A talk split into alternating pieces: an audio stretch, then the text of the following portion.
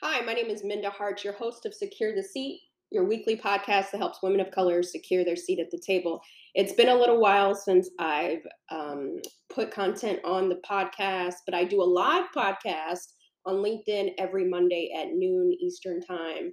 So you can always go to my YouTube channel, Secure the Seat, put it in there and catch all the episodes that I've been doing.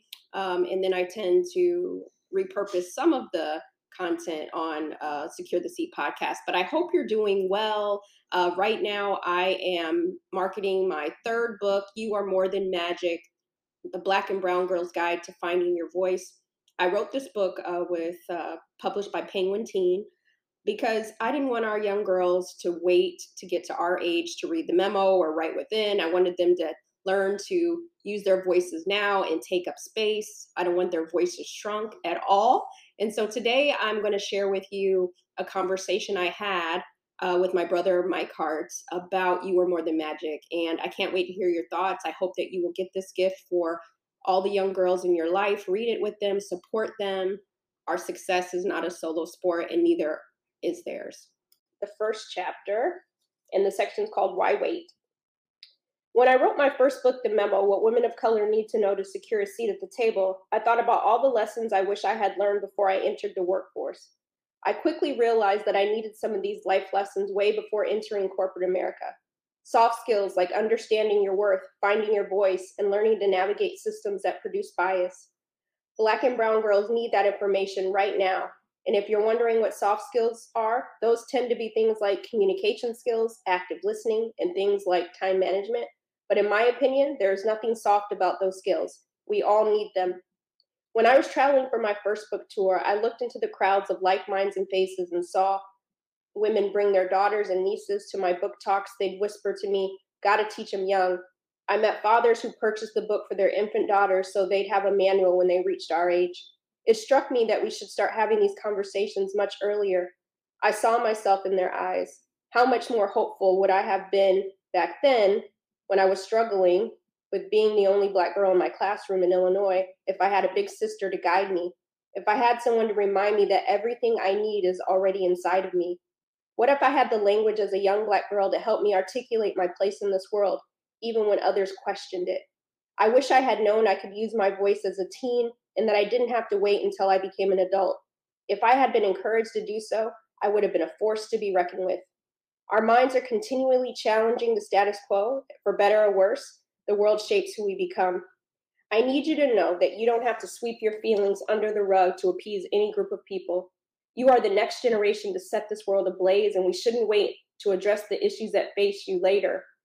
It might be too late then. I need you to have the tools to show up in this world and be your brilliant self today. Because as our, our mutual friend Beyonce said, brown skin girl, I wouldn't trade you for anyone else. I don't want you to ever feel like you need to be anybody else. I need you to know that your feelings matter and the world needs to know that too. Oh, and trust me, future you will thank you for doing the work now so you could rock it out later. So that's just a little bit of uh, Right Within. Uh, I def- I'm sorry, right Within. You are more than magic. There's definitely elements of right Within within the book. And so I'm just excited to to get this book inside the the hands of our girls. Uh, I'm just super excited. When I recorded the audiobook uh, a few weeks ago, going through it, I was just like, wow, I just can't wait for them to read it. I at first was kind of like nervous about writing a, a young adult book because I'm like, am I too old to be talking to teenagers? you know, I, I think I'm still cool and forever young, but um, can I really uh, talk to them in the ways that they need to? And um, what I found was that I just took the approach of being like the big sister, right? We're having a big slumber party and we're gonna gonna keep it real and talk about what's going on. And um, many of us as teens, our voices were silenced before we even became adults. And so uh, this generation, they have a lot of thoughts, they have a lot of ideas, and we want to cultivate those in the right ways. We want to dismantle any imposter syndrome that might be trying to creep in now because it can't go where they're headed. And so, to give you a little sneak peek, um, before I bring um, Mike on, he's going to ask me a few questions about the book to give you all a little more sneak peek. But the one thing I wanted to invite you to is on April 6th with Cafe Con Libros. We're having a book party, a, a, launch event. So bring your girls, bring bring your sons, bring uh, your nieces, nephews, whoever. So we're going to talk about it on a larger scale. Um, book tour will be a little different this time because mostly I'll be going into uh, organizations um, that support young girls of color and um, talking to them. And so uh, join us for the big, big online event on the 6th. So we're going to drop that in the chat. Um, and so without further ado, I'm going to bring my partner in shine, who's te- typically behind the scenes, uh, but many of you have gotten to know him if you show up here every Monday with us. But Mike would love to invite you to the stage. What's up, Minda? Hey, brother, how are you? I'm blessed. I'm doing really well. Thank you so much. Good, good, good. So let's get into it. Let's talk about you are more than magic. Let's give the community, the squad, a little inside. Uh, I know you have some questions that you want to ask me about the book. Uh, so let's do it. Absolutely. Minda, you talk in your book, uh, your new book, You Are More Than Magic, a lot about dismantling imposter syndrome. And you just mentioned it just now if you were to have a conversation with black and brown girls, what would you tell them about not letting imposter syndrome uh, creep in and uh, be a part of their life? Absolutely. I know for me, uh, when I was younger, imposter syndrome would show up. Um, so to, to, backtrack a little bit, uh, when I was younger, my family used to live in Southern California, and we moved to a rural town when I was like 11 or 12 in Illinois, and it was a culture shock. Um, at the time, um, Michael wasn't even born yet, but we we moved there, and um, it was a shock because I went to to enter into a classroom where I was the only black person, only person of color in my classroom, and so it was a very different for me. I was not ready for that, and so when you enter into a space like that as a young adult or you know a teenager you don't always feel like you belong you know? I remember um, the first week that i started class they were reading this book called where the red fern grows and in that book uh, back then i don't know if classrooms are still having people read that book but there was a a couple of lines where they used the n word and to be in that class um, where students, you know, and back then teachers would have their students read the passages out loud, right? You know, every student would like take a piece. And to hear white kids saying that like continuously in class, you know, you just start to feel like you don't belong or um, not seeing teachers that look like you or, you know, people seeing things on MTV and BET and then thinking you're some like magical Negro that you know all the dance moves and just all of these things, you start to just question yourself at every single turn. And I didn't realize how I was already starting to question, internalize some of those things um, until I started to write my books. And I realized that some of that imposter syndrome started way back then. And so, one of the things that I talk about in this book is no longer seeing yourself through somebody else, right? Just because you are in a room with predominantly white or any other uh, race or ethnicity or identity doesn't mean that you have to shrink right? Imposter syndrome can't go where we're headed. They can't exist at the same space. And I also offer some affirmations in the book that I want people to, or that I want the teams to to use because you will enter in spaces where you might be the only one, but it doesn't mean you have to shrink, right? And I think this idea of kind of being chosen or liked, it's such at like a 10 at that age. So you're willing to do and forfeit all of your values so that people will like you. And some of the uh, affirmations that I have in the book is I release fear, anxiety, and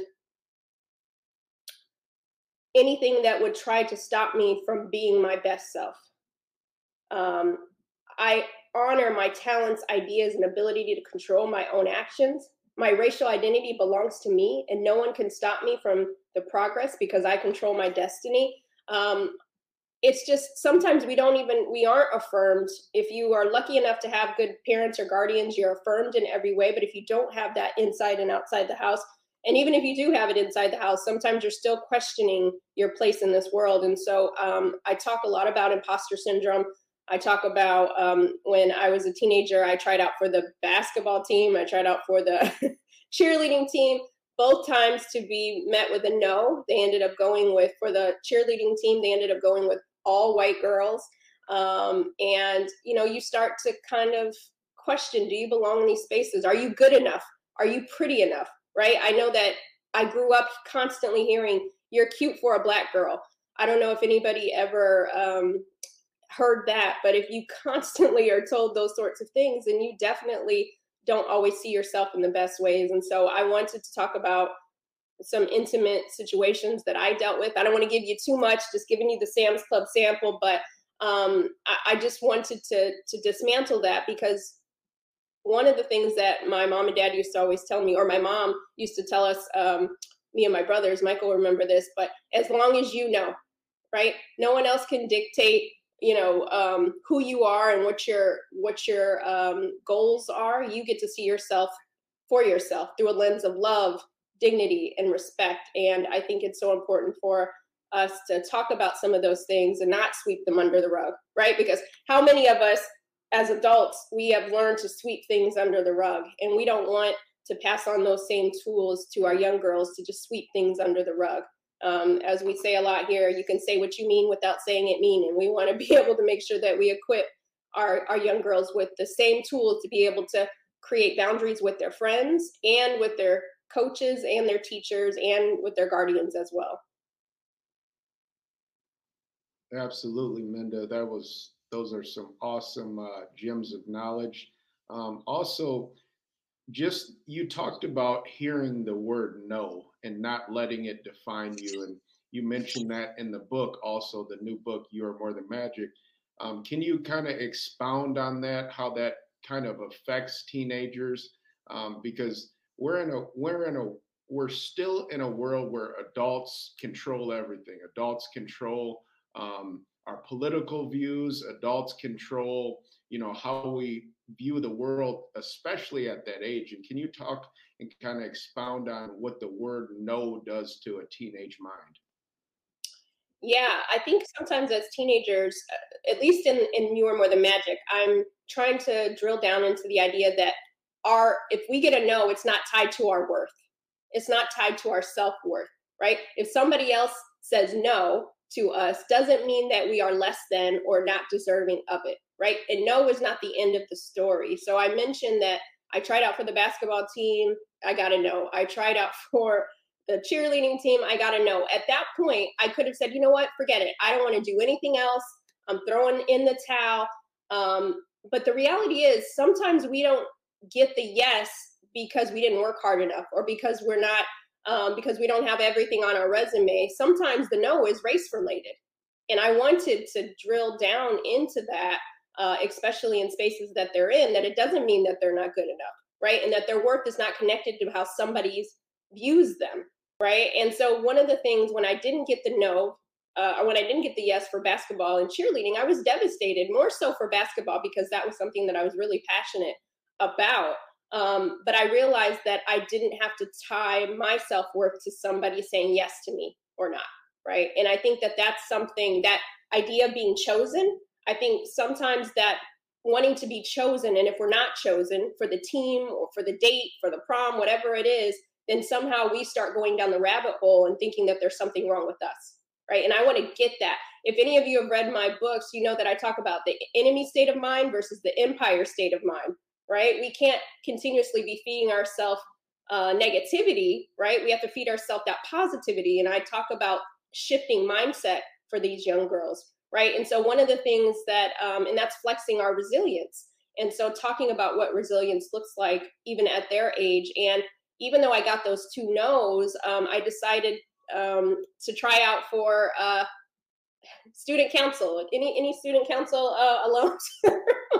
so I pushed myself one more time, right, to go after something that I wanted. Again, I couldn't control what the teachers did. I couldn't control what the, who the coaches thought was cute and who could do the best flips. But what I could choose at that age is what I decided to do and how I handled my situations going forward.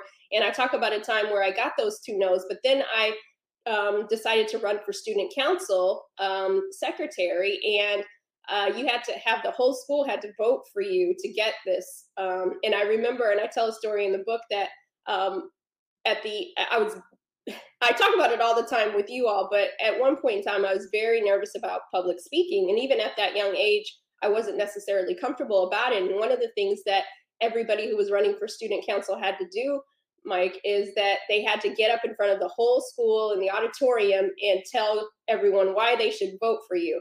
And I was even shorter in junior high school than I am now. and I remember getting up on the stage and the podium was like up here and the microphone was up here. And so there was no little step stool. And I just remember uh, making a joke out of it. And I reached up and grabbed the microphone and went to the side. And, uh, you know, I gave the, the best little speech I could give about being student council secretary. And what ended up happening is I ended up getting all the votes or majority of the votes, and I became uh, the probably one of the first. Um, I definitely that year was the only black person on the student council uh, the whole time I was in junior high school. But it was just that one more time, right? We get a lot of no's, but our yes is waiting for us around the corner. But again, not tying our worth to the no. And I'm sure there's some adults out there that need to hear that. Just because you didn't get the promotion, just because um, the raise didn't come through or the direct deposit didn't hit when you thought it was or whatever it was we don't have to tie our worth to how somebody else views us and their yeses and i think the earlier we could start to dive into that then we don't let that imposter syndrome creep in then we don't looking for validation for other people because we know what we what we have is already inside of us and um, when we do get the yes it was nothing magical about it we earned it we deserved it So. Yes, absolutely, Minda. Really good stuff. Um, Annette put in the chat, mighty and tiny. I like that. Yes, yes, Annette. I'm still still mighty and tiny, I think. Uh, Minda, uh, you this what you just said leads into our next question. Um, you talked about you talk about difficult conversations in the book, and one of the things about what I feel is why some teenagers shy away from difficult conversations is because as teenagers, they always feel like they're in trouble. If they share their feelings, trouble is going to happen. If they share how they actually think about a certain family member, trouble is going to happen. And this mindset of getting in trouble has kind of hindered um, a lot of teenagers. And can you kind of talk about um, the, some of the things you explain um, in the new book about having difficult conversations with adults or people in general. Can you kind of expound upon that? Yeah, absolutely. So I thought back to being a teenager and how like worried I was at times to have certain conversations, right? And um, we all have a voice. We just have to decide how we want to use it. And the one thing that I think, especially in Black households, uh, that tends to happen is at least, and I, I think maybe some households are a little more progressive these days, but you know, we teach our kids to um, be seen and not heard, right? We say those certain things where they're already like, or shut up, speak up, all the things. Like we're giving them mixed messages on when they can use their voices. And I think that sometimes we have those conversations with our kids uh, because we don't necessarily as adults have the tools to help it to have a healthy communication style right? And so what would it look like to hear the teen out? We may not agree with what they're going to say but we at least want to create safe spaces where they can where we're the ones they're coming to right? I remember um, listening to uh, our former first lady miss michelle obama say one time that she has very open and honest conversations with her daughters because she don't want them going to her their little friends for advice on things that could change the trajectory of their of their life right? And she may not want to hear it but she wants the, them to know that this could be a first stop for us to have the conversation right? And so the tools that i use um, or that i offer inside of you are more than magic is saying okay so you know you want to have this difficult conversation what could it look like let's think about some factors. First, thinking about what is the outcome that you hope to get out of having this conversation, right? So start to think about that. Practice. What is it that you want to say, right? Sometimes we just like launch into a conversation and maybe we also have to think about timing. Do we want to have this conversation with our dad when we know that they just had a really hard day and they're walking right through the door? Do you think that that is the time you want to have this conversation right now? or letting them get inside the door, relaxing for a second, and then having the conversation and saying, you know, I have something that's going on with me and I really need a good listener right now. Could we talk? you know, using certain phrases, right? Or maybe, as Mike, as you said, some trouble happened at school that day. Hey, mom, um, there was something that took place today. I'm not really proud of how it happened, but I'd love for you to hear it from me first. Right? You know, giving us certain language to be able to do that. And then on the flip side, giving our guardians or parents or teachers language to be able to hear us out right? Because we don't want to silence their voice and we don't want them to feel like they have no one to go to when these hard conversations are being had. Because listen, if you don't have the t- skills to have these conversations when you're a teenager, it's gonna it's harder even when you're an adult to have these conversations. And so that was one thing. I, I talk about one situation in the book where um, there was something that I had to talk to my parents about, and I was really nervous about doing it. And I ended up writing a letter to them uh, because I wasn't able to actually have the conversation myself. I was scared, right? Um, not because of necessarily anything they said or did, but just because of the content of it, right? And I gave the letter, and then it opened up dialogue to have a deeper conversation. But letting people, letting uh, letting teens know that there are multiple ways to articulate how we're feeling, and we want to foster that, right? We want to create those safe spaces. It's not just cool to have safe spaces in the workplace, but what does psychological safety look like inside the house? Right. Um, and, and so I also have reading guides in the book for adults to be able to engage with their teens around some of these conversations. Because listen, it's hard as a teenager to come to your family sometimes about things like sex or drugs or alcohol or any of the sorts, right? And so we want to be able to create those environments where they're not fearful to have those conversations because if they're fearful at home, they might be fearful in the classroom, they might be fearful in the workplace. And so I want to get ahead of some of these things before they catch up to them later on. Absolutely, Minda. Those are great points. And I think everybody has it in their mind that we're all safe, right? You you hear people saying, "Why didn't you just come to me, boy?" Why didn't you just come to me? Girl, you should have came to me first. I would have. And we all have like backwards compassion when when we find out somebody was hurt by it, we say, why don't you come to them? But I think, you know, your guidance in this book to help adults also have conversations with uh, with our with our uh, teens is is going to be very beneficial to our community. So again, the book is You Are More Than Magic, and please continue to pre-order. I have one last, a few final questions for you, Minda. This has been so awesome. Um, why did you dedicate an entire chapter to friendship in your new book? Ooh, listen, friendship, okay? How many of us have them? There was a song, there's friend. I felt like friends needed to be talked about as a teenager because um, oftentimes again we want to be liked so bad right being liked is like the main ingredient in in school at, at times for many people and i wanted to talk about forfeiting your values uh, for being liked right and so i talk a lot about friendship the different friends that i had throughout the years there was one friend that i call candy in the book uh, that i grew up with and my parents would always say i think candy's using you right and at the time, I couldn't see it because I'm like, we have so much fun together, right? You know, we uh, go out, we have fun. I don't see how she's taking me for granted. And then through some stories that I tell about Candy, they were absolutely right, right? but at the time, I couldn't see it, right? Because I'm, but I found that she was only coming to my house because it was close to her boyfriend's house. And then once they broke up, she moved on to another one. But you're like devastated at that age, right? Because you want to be liked. I also talk about what it's like to be a good friend and what what you should be looking for in a good friend. Because let's be honest, uh, there's no class for friendship.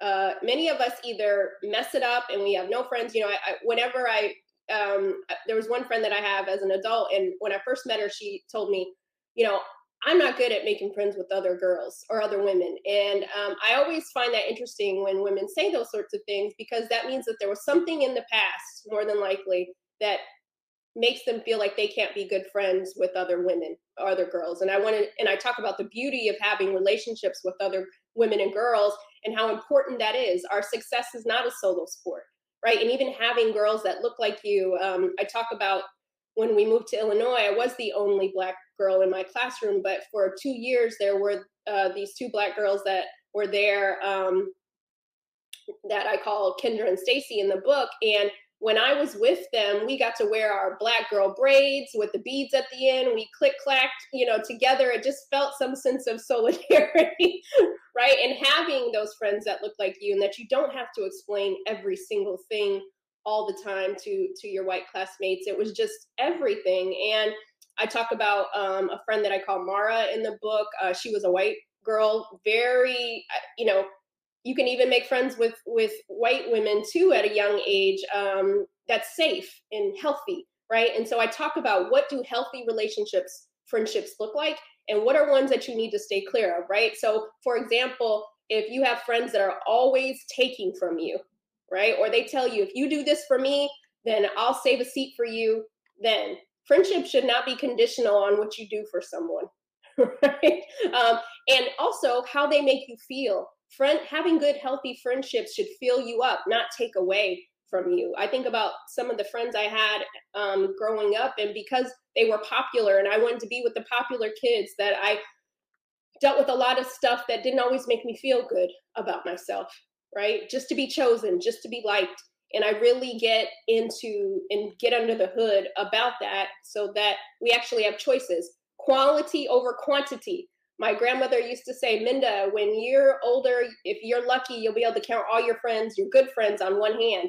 And when she told me that as a teenager, I didn't believe her because I'm like, oh, I have all these friends, you know, and uh, we're going to be friends forever, right? And as you get to know people and you start to figure out what your values are, even at that age, you realize that they're not all aligned, right? And that some friends you can't take with you. And so, in some of those friendship breakups hurt just as bad as a relationship breakup. And so, um, I talk a lot about that, what healthy looks like and what toxic looks like, because I don't think we all often know. And I think also, too, Mike, sometimes teens don't want to hear it from their parents or their guardians, but they might hear it from me, right? You know, so just adding another layer uh, in there. Um, and I think even as adults, right, if we don't don't really have friends or have a hard time making friends, what is it that we might need to be doing to also show? Um, what was the other thing I was going to say?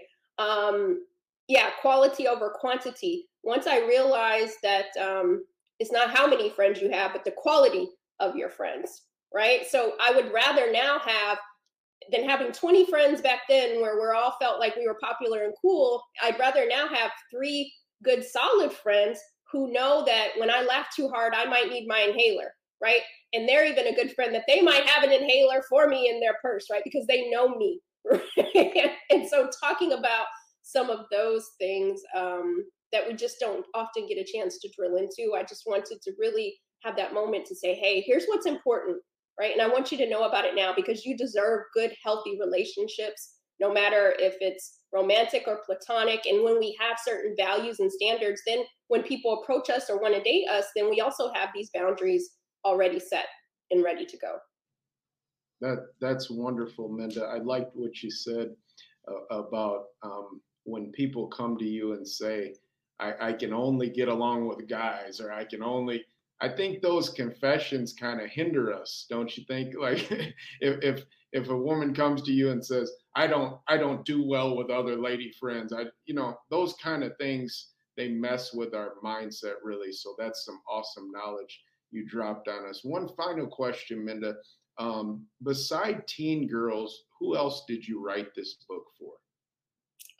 Yeah, uh, I'm just so excited about You Are More Than Magic. If you haven't got a copy, I would even say if you don't even have any teens, read it yourself because I I definitely dig it. If you if you aren't tired of the memo and right within yet, go ahead and get pick up You Are More Than Magic for yourself. But I wrote it in a couple different buckets. I wrote it for teens, uh, black and brown, uh, but I also think young young kings should be reading uh, this book as well because sometimes they don't also have the language um, that they need. So I think this will be a great book for the house. Um, I think I wrote it for parents to be able to engage with their teens because it's such a critical age to be able to have these conversations and give and have real good healthy dialogue you know uh, around some of these topics that are that are hard right especially around race um, because i think if we have the language to do that and if we don't know how to do it there's there's questions that i have for adults to be able to read it with your teen or someone you love to be able to have those conversations about some of the things that We talk about, so I have questions at the end of every chapter for the teen to be able to process,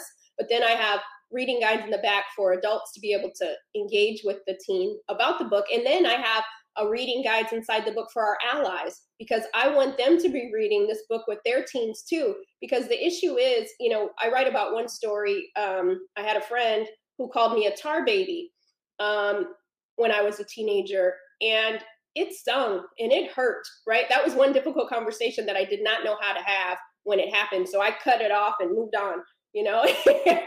and now, knowing what I know now, maybe I would have handled that situation differently be- because I didn't have the tools at 13 to be able to engage with a white girl calling me a tar baby who I thought was my friend, right? But where did she hear that from? You know, where did she hear that from? Uh, so when we talk about allies, we need to be creating good allies as teenagers so that when they get, so when little Scotty says tar baby to their black classmates, we don't want him saying that to calling her an angry black woman when he gets to the workplace, right? So parents, guardians, definitely be reading this book with your teen so that they understand how to show up in these settings when they have classmates that don't identify the way they do. And then lastly, teachers, let's have a conversation. Just because you teach everybody in the class doesn't mean everybody's experiencing the classroom the same, right? Um, I, being the only in many of my classrooms, there was a teacher, a couple teachers who were singling me out, and my dad had to go up to the school and have some conversations on occasions. You know so, so uh, all of these things are are happening, and I, I just think that the more we are equipped to help our teens, then we know that they're more than magic, right? We know that they deserve everything and that everything they have is already inside of them. They just need the cultivation.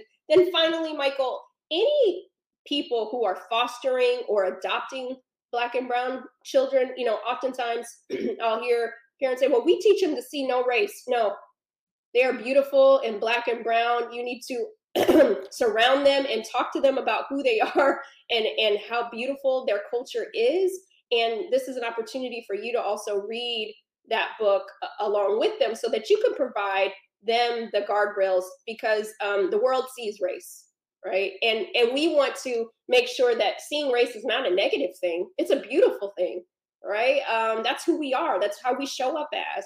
And so uh, having the language to be able to do it i'm really proud of this book. I want to thank um, Penguin Random House Dial books for saying yes to this book, to my agents, to my editors, um, because it really is a special book. Uh, and one last thing I want to say about friendship, Michael, is um, when I was not having a lot of friends that look like me growing up, I ended up uh, going to um, a college where I found some really good girlfriends of color that really nourished me and supported me. Um, and when I was recording this book, uh, and, and, Mike knows uh, two, of them, uh, I talk about two of my good black girlfriends, Jamie and Liz. And a couple of years ago, uh, Liz passed away. Uh, and, you know, having those friends that love you, support you, that see you through everything, I'm just so glad. And I also talk about that, excuse me, getting emotional about it, about Right Within, because having people who get you is so important. People that you could talk about the things, those safe places, those sisterhoods. So when I hear other Black girls say, Well, I don't deal with other Black girls, or I don't deal with other Brown girls, you find those spaces where you can love on each other, you know? And it's just such a beautiful thing when you can find those healthy friendships. And so writing about Liz and Jamie, Jamie is still uh, alive and, and well. And, um, you know, Liz passed away in her sleep uh, a few years ago and i'm just so thankful that that i had that because it's a privilege to have good healthy friendships and i cherish that so much and that's why i had to talk about it because our young girls are the future they deserve to know what's possible for them and i don't want them walking through this world thinking that there anything is wrong with them or that they don't belong and so um, we just got to be reminded of those things. And I know that Liz is shining down and she'd be really, really happy. Um, she passed away a little bit before the memo came out, and um, I'm just thankful. So in the book, I talk a lot about that relationship. I Actually, one of the silly things, uh, but uh, silly then when we did them, but we all three of us got tattoos um, because we had a crew back in college called the Silver Dollars. You have to get the book to to know the reference, but so whenever I I have it on my ankle, we all got them, and so whenever I you know when people see it, they think it's some like guy's initial or something like that, but it's actually my my my group um, back then, and I'm just so thankful that I had that, and I hope that even as adults you find that that you find community because community is everything on this journey. Um, because it's a lot when you have the confirmation hearings, when you're having those struggles, whatever it is, having that group, having that squad, it's more than magic. I love it, Minda. That's such a amazing moment. They say in the church, "Take your time, baby. Take your time." yes, yes. Take, take, your time. That was uh, such a beautiful moment, Liz. Liz and uh, Jamie are uh, beautiful souls. So thank you so much for sharing those stories and um, those those awesome uh, those awesome questions you answered. Is there any more you'd like to share about the book before we move on? Listen, um, this book is special for so many reasons. Um, I wish that I had a book like this when I was 14, 15. I know that things panned out the way that they should for my life. I'm very happy with the woman that uh, that I turned out to be. But had I heard some of these things earlier, think about how much more dynamic and bold and um, I never would. I would have really walked into every room owning it because my I didn't have to see myself through the eyes of someone else, right? And I think we have to have the tools to be able to know that we can think differently, that we can show up differently, that we can disrupt status quo. I don't want our young girls having to engage in status quo. I want us to disrupt it. And I want us who is there to root them on to have the tools to be able to do that, right? Because they might come to us with some things that we aren't ready to hear, to have some conversations that we weren't prepared to have. But we want them to have that safe space to land. Having a safe space to land is a beautiful thing and it's a privilege. Not everybody has that safe space to land. And so we want to make sure that they do uh, because it's concrete out in these streets, okay? we want to make sure that we're providing them with those pillows to land, to have the conversations that need to have, and to remind them that they belong in every room they enter. And when that room is not showing them the dignity, humanity, and equity and respect that they deserve, to be able to have those conversations that they need to have and create those boundaries and find those friend circles to help them move forward, to add to their life, not take away. Wow, wonderful, wonderful. I hope I hope you enjoyed hearing about You Are More Than Magic. To be honest, I've had adults read this book, both men and women, and they love it. So even if you don't have a teen in your life, feel free to um, get this book for yourself. But also, I am donating 500 books to Black and Brown girls um, in foster care and at public schools across the country. We are almost at 400 books donated. Um, I'm op- leaving this open for the next week. So if you would like to donate, I'm going to leave a link in the chat uh, so that you can engage and be there with us and help and support the next generation of girls. So thank you for your support, your continued support. I can't believe I have three books out in the world and they wouldn't be out in the world without your support. So I thank you, thank you so much. I hope you're doing well. Tweet me, follow me on LinkedIn.